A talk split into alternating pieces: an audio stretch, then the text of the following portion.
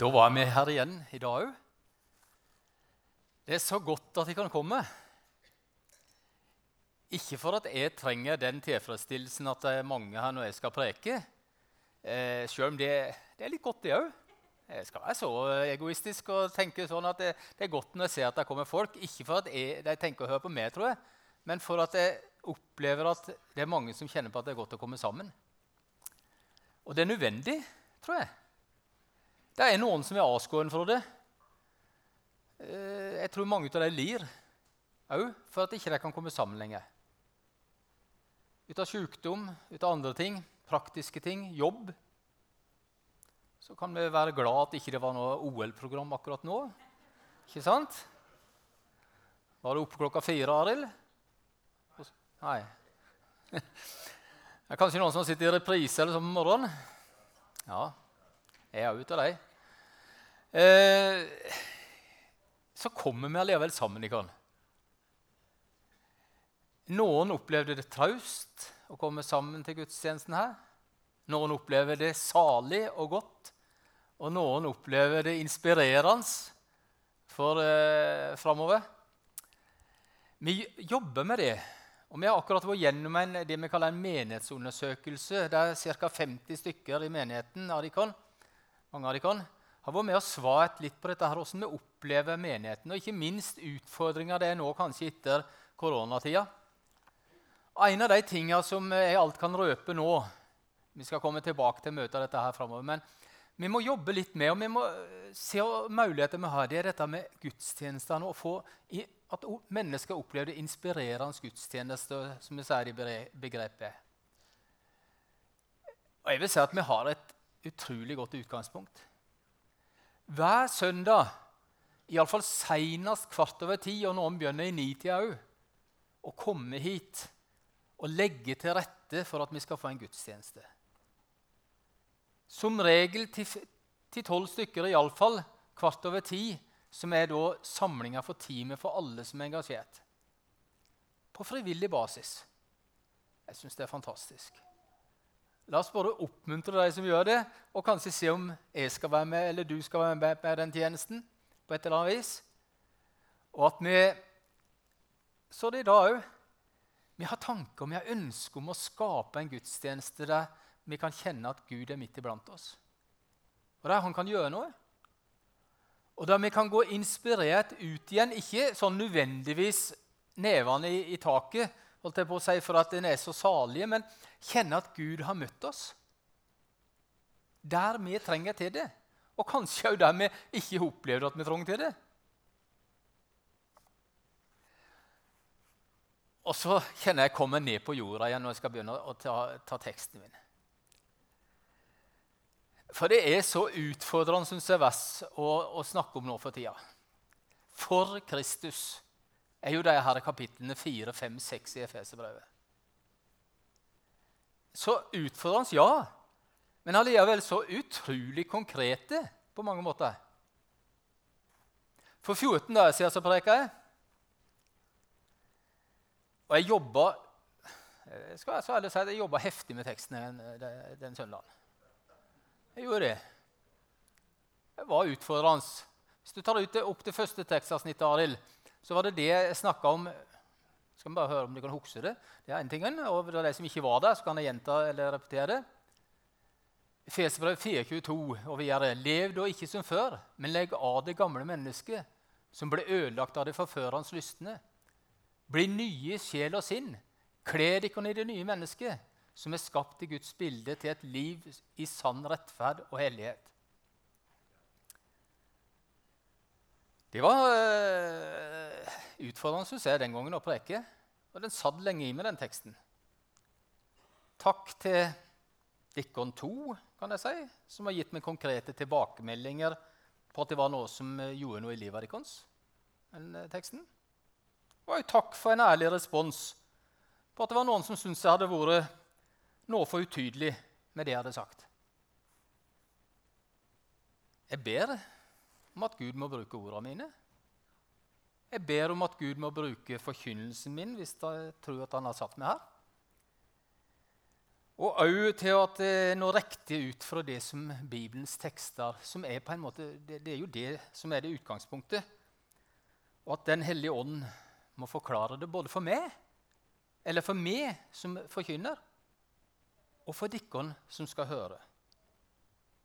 Og så vet jeg òg at ting ble sagt som ikke burde vært sagt her fra talerstolen. Jeg har kjent på det sjøl at det, nei, det der Knut, jeg kunne holdt før. Noe jeg vet, og noe jeg ble gjort oppmerksom på.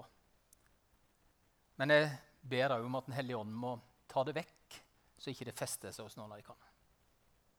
Og så kom søndagen for ei uke siden. Knut Olav, du preka en fantastisk preken da. Etter min bedømmelse, iallfall.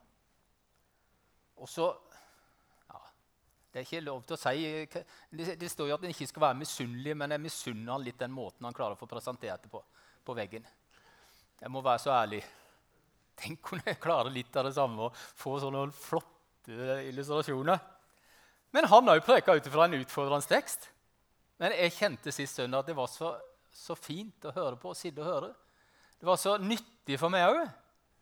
Hvis en ser videre der fra vers 25, som han preka ifra da Legg derfor av løgna og snakk sant til hverandre. Snakker han om. For vi er hverandres lemmer. Det går han tilbake til noe som er skrevet tidligere. Blir de kan sinna, så synd ikke. Og la ikke sola gå nedover deres frede. deres frede. Gi ikke djevelen rom. Den som har stjålet, skal ikke lenger stjele, men arbeide og gjøre noe nyttig med sine egne hender, så han kan ha noe å gi til de som trenger det. Ja, kan du tenke etterpå, Hvordan ville du ha eh, hatt en preken om de der versene? Du klarte det, Knut Olav, og du ga oss noe. Takk skal du ha. Og så fortsetter vi i grunnen i dag med vers videre. En ny veiledning med gode leveregler i grunn, vil jeg si, for det å være i Kristus òg. Sånn som vi har snakka om de tre første kapitlene. Der ligger, Jeg nevner det igjen, jeg vet at det strekes under det siste òg. De tre første kapitlene er liksom det, Der er grunnlaget. Det blir så utfordrende å lese nå videre hvis ikke vi kjenner at vi har de tre første kapitlene på en måte i bånden. Som sier noe at vi får lov til å være i Kristus. Får lov til å leve i Hans nåde og i tilgivelse for syndene. Men så sier òg Paulus faktisk i apostlenes gjerninger, for der refererer han også til, til feserne og til besøka i menigheten i Efesos. Der sier han at han, han eh, har forkynt i apostelgjerningen kapittel 20 og 27, eh, vers 27, Der sier han at han har forkynt hele Guds råd. står det. Han har altså ikke bare forkynt nåden som det grunnleggende, tilgivelsen og det å få lov til å leve i det der og være tilgitt. Men han har også forkynt til deg og han sier det spesielt til menigheten i Efesos. der i apostelgjerningene. Hele Guds råd. Altså, Sånn som Gud ønsker at vi skal ha det. Sånn som Gud ønsker at vi skal leve det nye livet. Det som vi har tatt imot med trua på Han. Vi finner altså stort sett skal nesten si alt som er viktig når det gjelder den kristne tro og liv, i dette brevet i Efeserbrevet. Og Derfor sier de tre siste kapitlene òg noe om det. Og Dagens tekst den er fra vers 29, og vi leser videre der i Jesu navn. La ikke et eneste råttent ord komme over leppene. Si bare det som er godt, og som bygger opp der det trengs, så det kan bli til velsignelse for de som hører på. Og videre Gjør ikke Guds hellige ånd sorg for ånden er det seil de jeg merke meg helt til frihetens dag. Slutt med all hardhet og hissighet, med sinne, bråk, spott og all annen ondskap. Så stoppa det. Jeg hadde lyst til å ta videre, men vi skal se om vi får med oss neste søndag igjen. Jeg tror Kari har noen tanker om det når hun skal ha familiegudstjeneste. Hvis du går tilbake et bilde, Arild så begynner vi der litt. Vi kan jo nikke til dette her. Det er jo så flott. Det er jo sånn vi ønsker det. At ikke noe råttent ord skal komme over lippene våre. og bare si det som er godt, det som bygger opp der det trengs. Tenk om det er sånn! Vi ønsker det jo. Vi tenker liksom Ja, selvfølgelig. Og så tenker jeg meg litt grann, Ja, men så ble det ikke bestandig akkurat sånn. Det blir ikke bestandig til velsignelse for alle som hører på. Jeg tror ikke dette er noe som Paulus bare svinger innom sånn litt tilfeldig. Han vet det, og han kjenner det tror jeg, på egen kropp og egen erfaring. Hvordan dette her er med å rive ned. Hvordan dette er med å ødelegge. Hvordan dette her har vært en utfordring for folk i menigheten i Efesus. De som var kommet til trua, som hadde levd et hedningkristent liv og som var sett inn i en ny skapning, og som hadde fått Jesus i hjertet og sikkert var halleluja-menneske sånn sett, så hung det som er. Det var så vanskelig å kvitte seg med en del av de vanene de hadde. Ikke minst å, å, å prege det som var rundt deg. En kristen livsfødsel, og kanskje spesielt ordene våre, er viktig for oss for å vokse opp til han som han har snakka om. For å ikke bare være der på småbarnsstadiet og liksom si at 'Nei, men jeg får ikke til noe. Jeg klarer ingenting.' Og det gjør vi. Sånn er vi av og til. Og vi, vi, vi er ærlige da Vi er det. Men så ønsker han at vi skal leve det nye livet. Det som er skapt til. Det er noe nytt som er kommet til, som han ønsker skal være en del av våre liv. Og Det gjelder ikke bare feserne, det gjelder òg vegårseingene og de andre som måtte eventuelt være fra andre plasser. Når vi har tatt imot Jesus, kan, så har vi fått en ny skapning. Men så henger det så med oss mange ganger. Det snakkes om det i Kolosserbrevet òg. Og det er det som er litt artig å se nå er ikke den beste til å, å, å, studere Bibelen og finne sammenhenger og, og, se det store, men så blir jeg gjort oppmerksom på det av og til. Noen som har skrevet sånn, noen som har skrevet sånn, og noen som jeg ser sånn og sånn. Ikke sant? Og så ser jeg også, så begynte jeg å kikke litt og bla i Kolossebrevet. Der snakker han jo òg om dette. Om åssen vår tale skal være som søta med nåde og krydra med salt beskriver han. Og det, Så konkretiserer han det òg her i Efeserbrevet. La rett og slett ikke et eneste ord komme over lippene. Si bare det som er godt. Han sier det ikke sånn med at ja, hvis, for hvis du gjør det, hvis du ikke, eller hvis du ikke sier bare det som er godt, så blir du straffa. Han, han sier det liksom ikke sånn med den tonen. Han sier det mer som en oppmuntring til oss. Se på livet ditt. Ja, rett og slett tenk over hvordan du snakker. Tenk over de ordene du bruker. Og jeg tror ikke, Vi kan ikke gå sånn rundt og tenke hver eneste setning vi skal si til i alle sammenhenger og si at nå må jeg tenke om hvordan ser det godt, ser det greit. Nei, jeg tror ikke det. Men vi kan allikevel tror jeg, jobbe litt med våre ord. Jobbe litt med vår framtoning av ting. La ikke et eneste råttent ord komme over lippene. Si bare det som er godt, og som bygger opp der det trengs, så det kan bli til velsignelse for de som hører på. Og Jeg tror du har vært i noen sammenheng, enten det er kaffeslabberas, eller det er på vennebesøk, eller truffet noen her og der, og du har gått ifra deg og sagt 'Å, for en god prat vi fikk. Så fint at den sa det og det til meg. Eller sa det og det om noen andre eller om en situasjon. Og så kjenner vi oss nesten litt oppglødd for at det var noe godt vi opplever der ut av noen ord som kom. Eller i den og den sammenhengen. Det trenger ikke bare være her på, på huset eller et møte. eller sånne ting. Nei. Og så tror jeg kanskje òg noen har opplevd noe av det motsatte. Uff.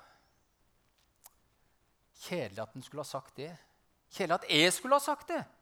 Sånn. Og så treger vi etterpå. Ord kan drepe, nesten. Og ord kan gi òg livsmot og styrke. Der er makt i ordet. vårt. Det er ikke det samme som vi bruker munnen vår. Der står det en plass om at det hjertet er fullt av, det taler munnen. Det kan være. Jeg tror ikke det er unaturlig at det er en sammenheng der. Hva vi fyller oss med.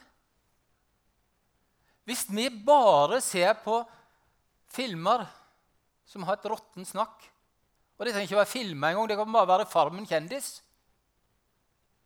Det er jo så banning, blant annet. Helt hinsides. Mens en ser på en annen nå har jeg glemt det igjen, en annen film som var fra, fra utlandet en plass, der hadde dubba med en gang det var noen som sa et banneord. Det gjør det ikke på norsk TV lenger. Men ok, det var TV. Én ting. Og Det kan være faktisk det med banning det kan være nødvendig at vi tenker på av og til. Eh, både dumme ting vi sier, og banneord som misbruker Guds navn. Det er noen som blir kristne, som kan vitne om at plutselig så ble de helt forvandla, og de har ikke sagt et banneord etterpå for at det skjedde noe i kroppen. Mens andre, tror jeg òg, kristne som ble kristne, kan slite med dette og kan, må jobbe med på en måte kulturen sin, språket sitt, over tid. Det med banning ja, jeg kan nok, bruke, kan nok bruke, litt ord som kan bli oppfatta feil av og til òg, men aldri, det har aldri vært noe spesielt problem for meg. For at jeg har liksom ikke hatt det i kulturen min å si mye banneord. Så for meg har ikke det vært det store. Jeg kan nok heller si at jeg kan ha hatt andre ord, andre måter å uttrykke meg på, som jeg mer har måttet jobbe med, som jeg mer har måttet slite med. Og Nå har jeg lyst til å ta opp et tidsvitne. Da tenker vi ikke på krigen. Da tenker vi tidsvitne i min tid. Jon, du må komme opp litt. Jeg spurte, jeg spurte deg i går kveld. Jeg ringte da.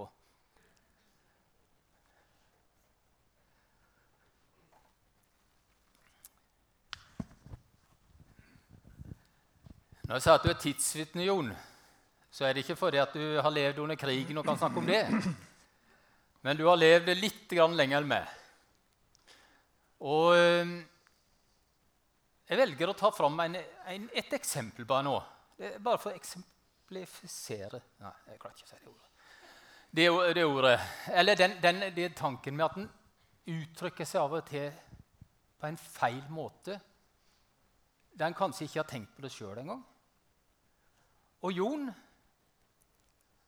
han var så god venn med meg på en måte, han har vært så god venn med meg at han tøte å gjøre meg oppmerksom på det en gang. Ikke sant, Jon? Hva var det som skjedde egentlig?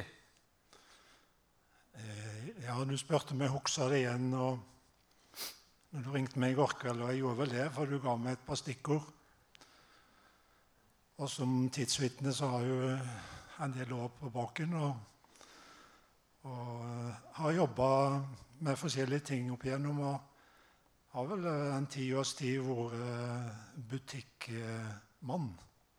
Selv om det vært langt ifra min utdannelse, så havna jeg med salg av byggevarer en stund. Og i den sammenhengen så var du kunde, Knut. Å være på innsida-disken og utsida-disken det skulle alle være forunt.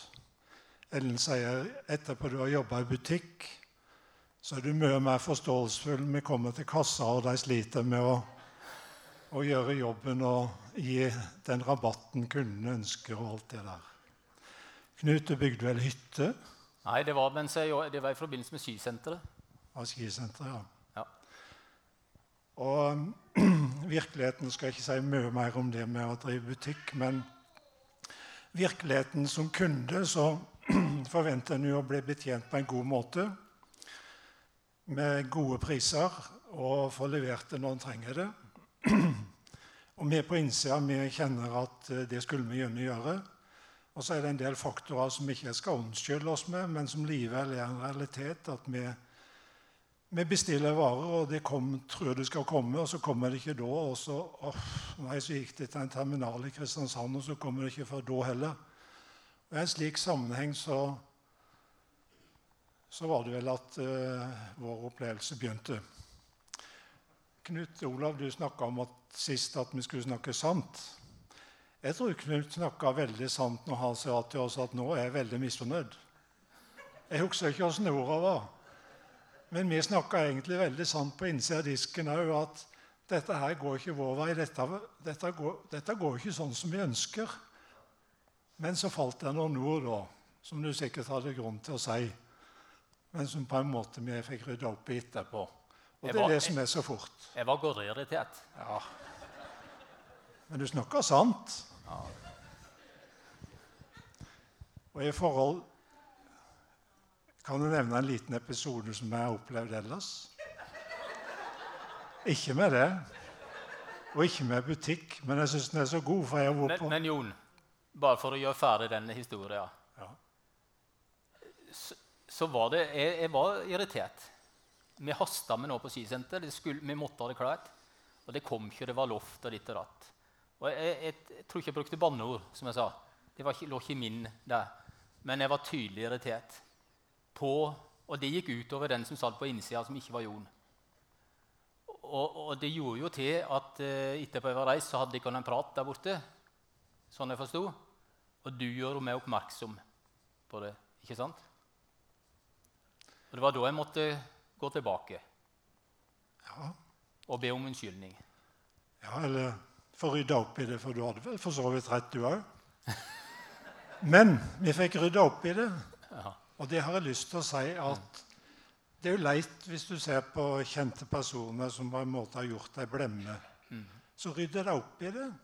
Så er livet den blemma som de skal bære med seg resten av livet. Jeg synes på en måte Det oppgjøret skulle være det en bærte med seg videre. Mm. Og det gjør jeg med det og den, den, situasjonen. Takk for det. Du, du, du har Jeg vet ikke om jeg sitter sinna noen gang, Jon. Jeg sitter irritert, men, men, men, kjenner du på litt av denne utfordringa det med dette med å bruke orda rett? Skal vi få opp Ellen òg?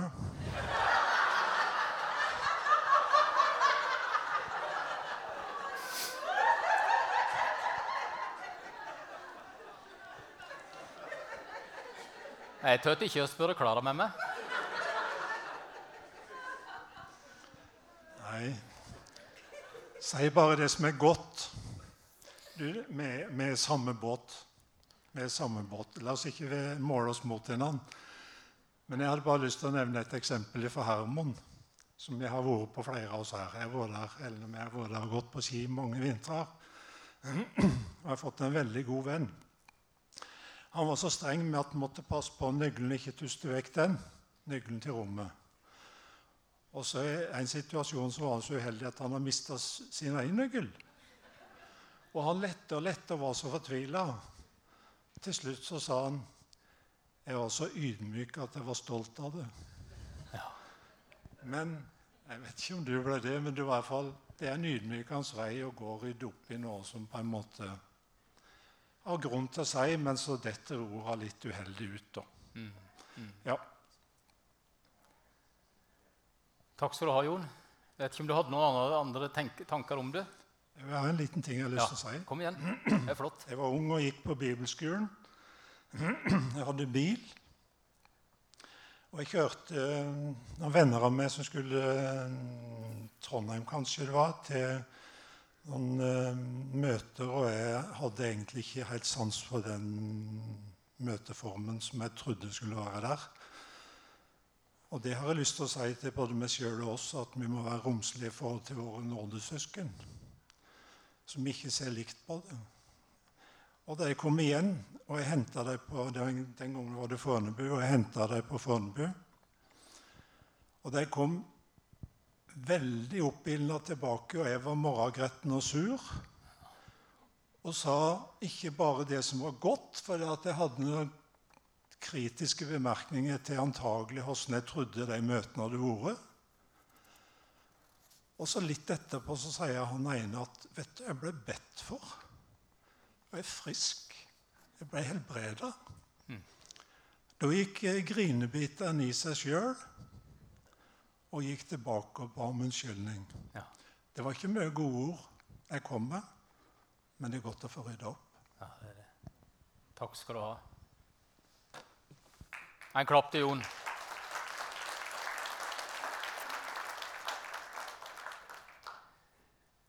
Jeg tror ikke det er mange av dere som ikke kunne ha tatt noen eksempler hvis jeg hadde tatt dere opp her. Fra eget liv, fra liv i møte med andre mennesker. Og jeg tror Det var det som lå, på en måte, det var denne erfaringa som lå til grunn når Paulus skriver så konkret som dette. her.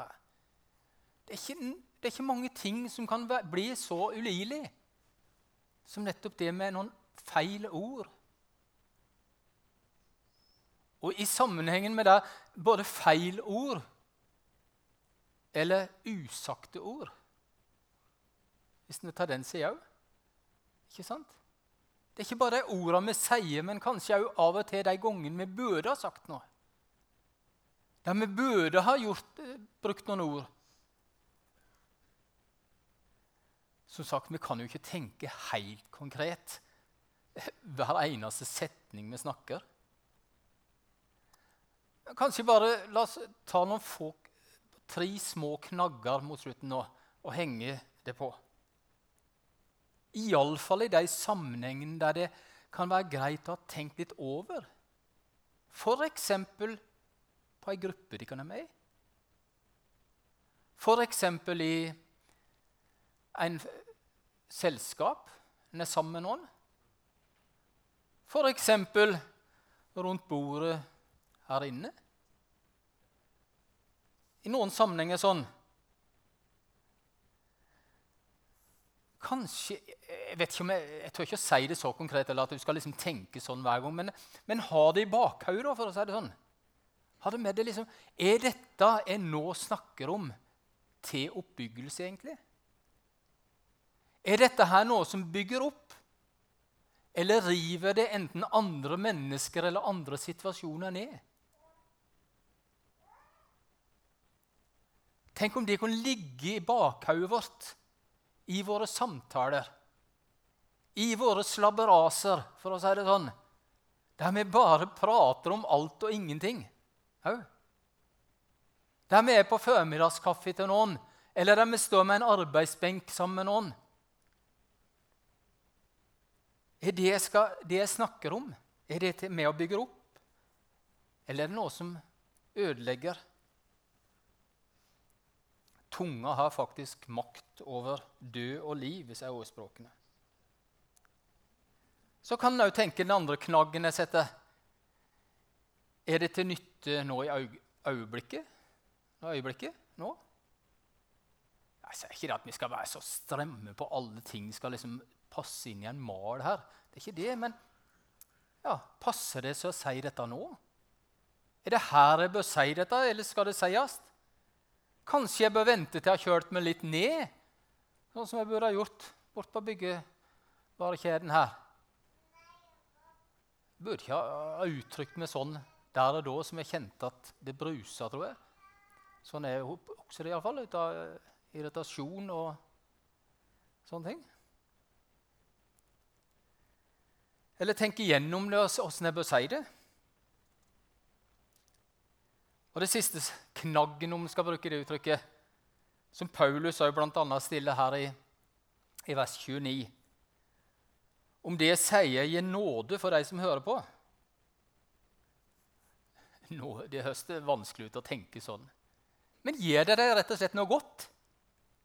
Blir det til en godhet for de som hører på? Noe godt. Det er det Paulus prøver å snakke om òg her i disse versene, tror jeg. Ord som ikke er til oppbyggelse, oppbyggelse, som ikke er til nytte for behovet i det øyeblikket, og som ikke gir nåde for den som hører på, det kan mange ganger være råtne ord. Ja, i mange sammenhenger så er det glemt. Men noen, for noen kan det stikke, og for noen kan det bli vanskelig. Og det blir feil ut i fall fra det livet vi skulle leve i Jesus. Det kan bli feil for oss sjøl og for de som hører ordene våre. Og så er det òg faktisk slik, hvis du tar neste vers igjen, Arild, som vi las der, at det kan bli til sorg for en hellig ånd. Og Da syns jeg det òg blir på en måte flytta ikke bare fra at det er menneskelig dumt, og det er menneskelig feil, men da er det rett og slett noe som òg sårer Guds hjerte. Når våre ord ikke er slik som de burde være. Og vi tror at Den hellige ånd bor i våre hjerter når vi har tatt imot ham. Han er der som en om vi skal bruke uttrykket, eh, person Det er jo vanskelig, og vi skal ikke snakke om, mer om Den hellige ånd sånn sett nå, og hvem det er. Men han ble jo benevnt som talsmannen. Personif ja. eh, har personlige egenskaper. Og her er det altså snakk om at vi kan gjøre Den hellige ånds sorg med vår tale hvis den er feil.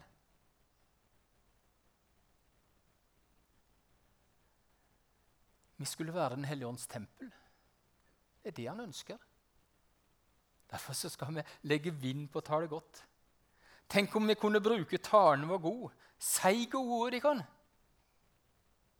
Ikke av lovisk tankegang, men fordi at Jesus lever i livet vårt, i hjertet vårt.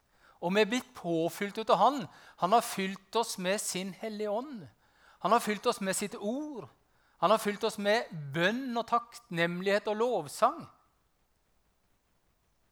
Så dette burde i utgangspunktet være bare helt et resultat, naturlig resultat. Ja, det gjør det. Og så kommer det et litt sånn men. Og Jeg har lyst til å si til deg snakk deg sjøl heller ikke ned for din egen del. Det kan være, kan være fristende når sjølbildet av og til kan være negativt, og du ikke har tro på deg sjøl. Tror dette kan være ord å ta med seg da òg. Ikke si negative ord til deg sjøl når du kjenner på at du feiler, når du kjenner på at ikke du strekker til eller holder mål. Gi rett og slett ikke djevelen rom, slik det sto tidligere i teksten. La Guds ånd få lov til å inspirere oss til å si de gode orda som bygger opp både det andre og oss sjøl. Og så ser vi her det avslutter med Slutt med all hardhet og hissighet, med sinne, bråk, spott og all annen ondskap. Så for det siste verset her står litt for seg sjøl. Jeg skal ikke gå mer inn på det, tror jeg. Jeg var nok òg inne på det litt i sist prekena. det var snakk om at vi skulle legge av legge av det som tynger, legge av alle de tingene som henger så lett ved oss. Og at åndens frukter skulle komme mer til syne i våre liv.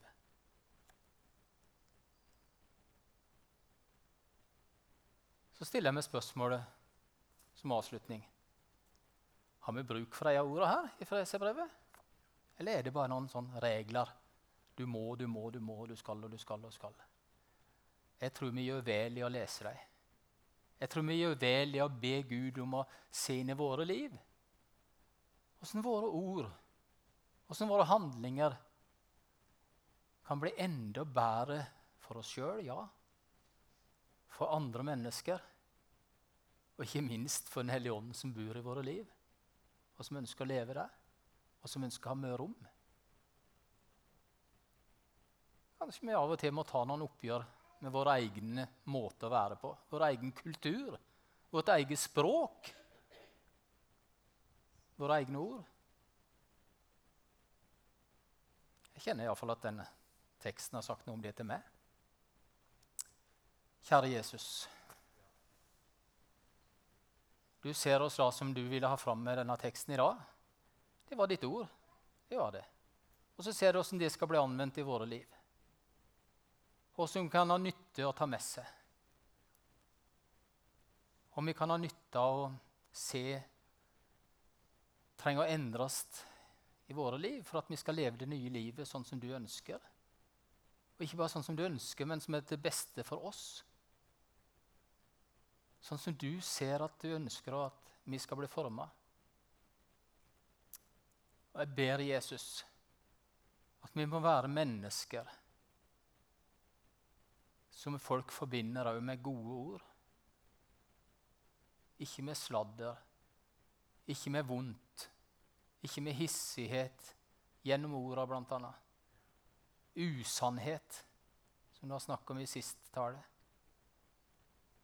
Jesus, du ser hvor du trenger å gripe inn i våre liv. Hjelpe oss, sånn at du kan få større rom. Amen.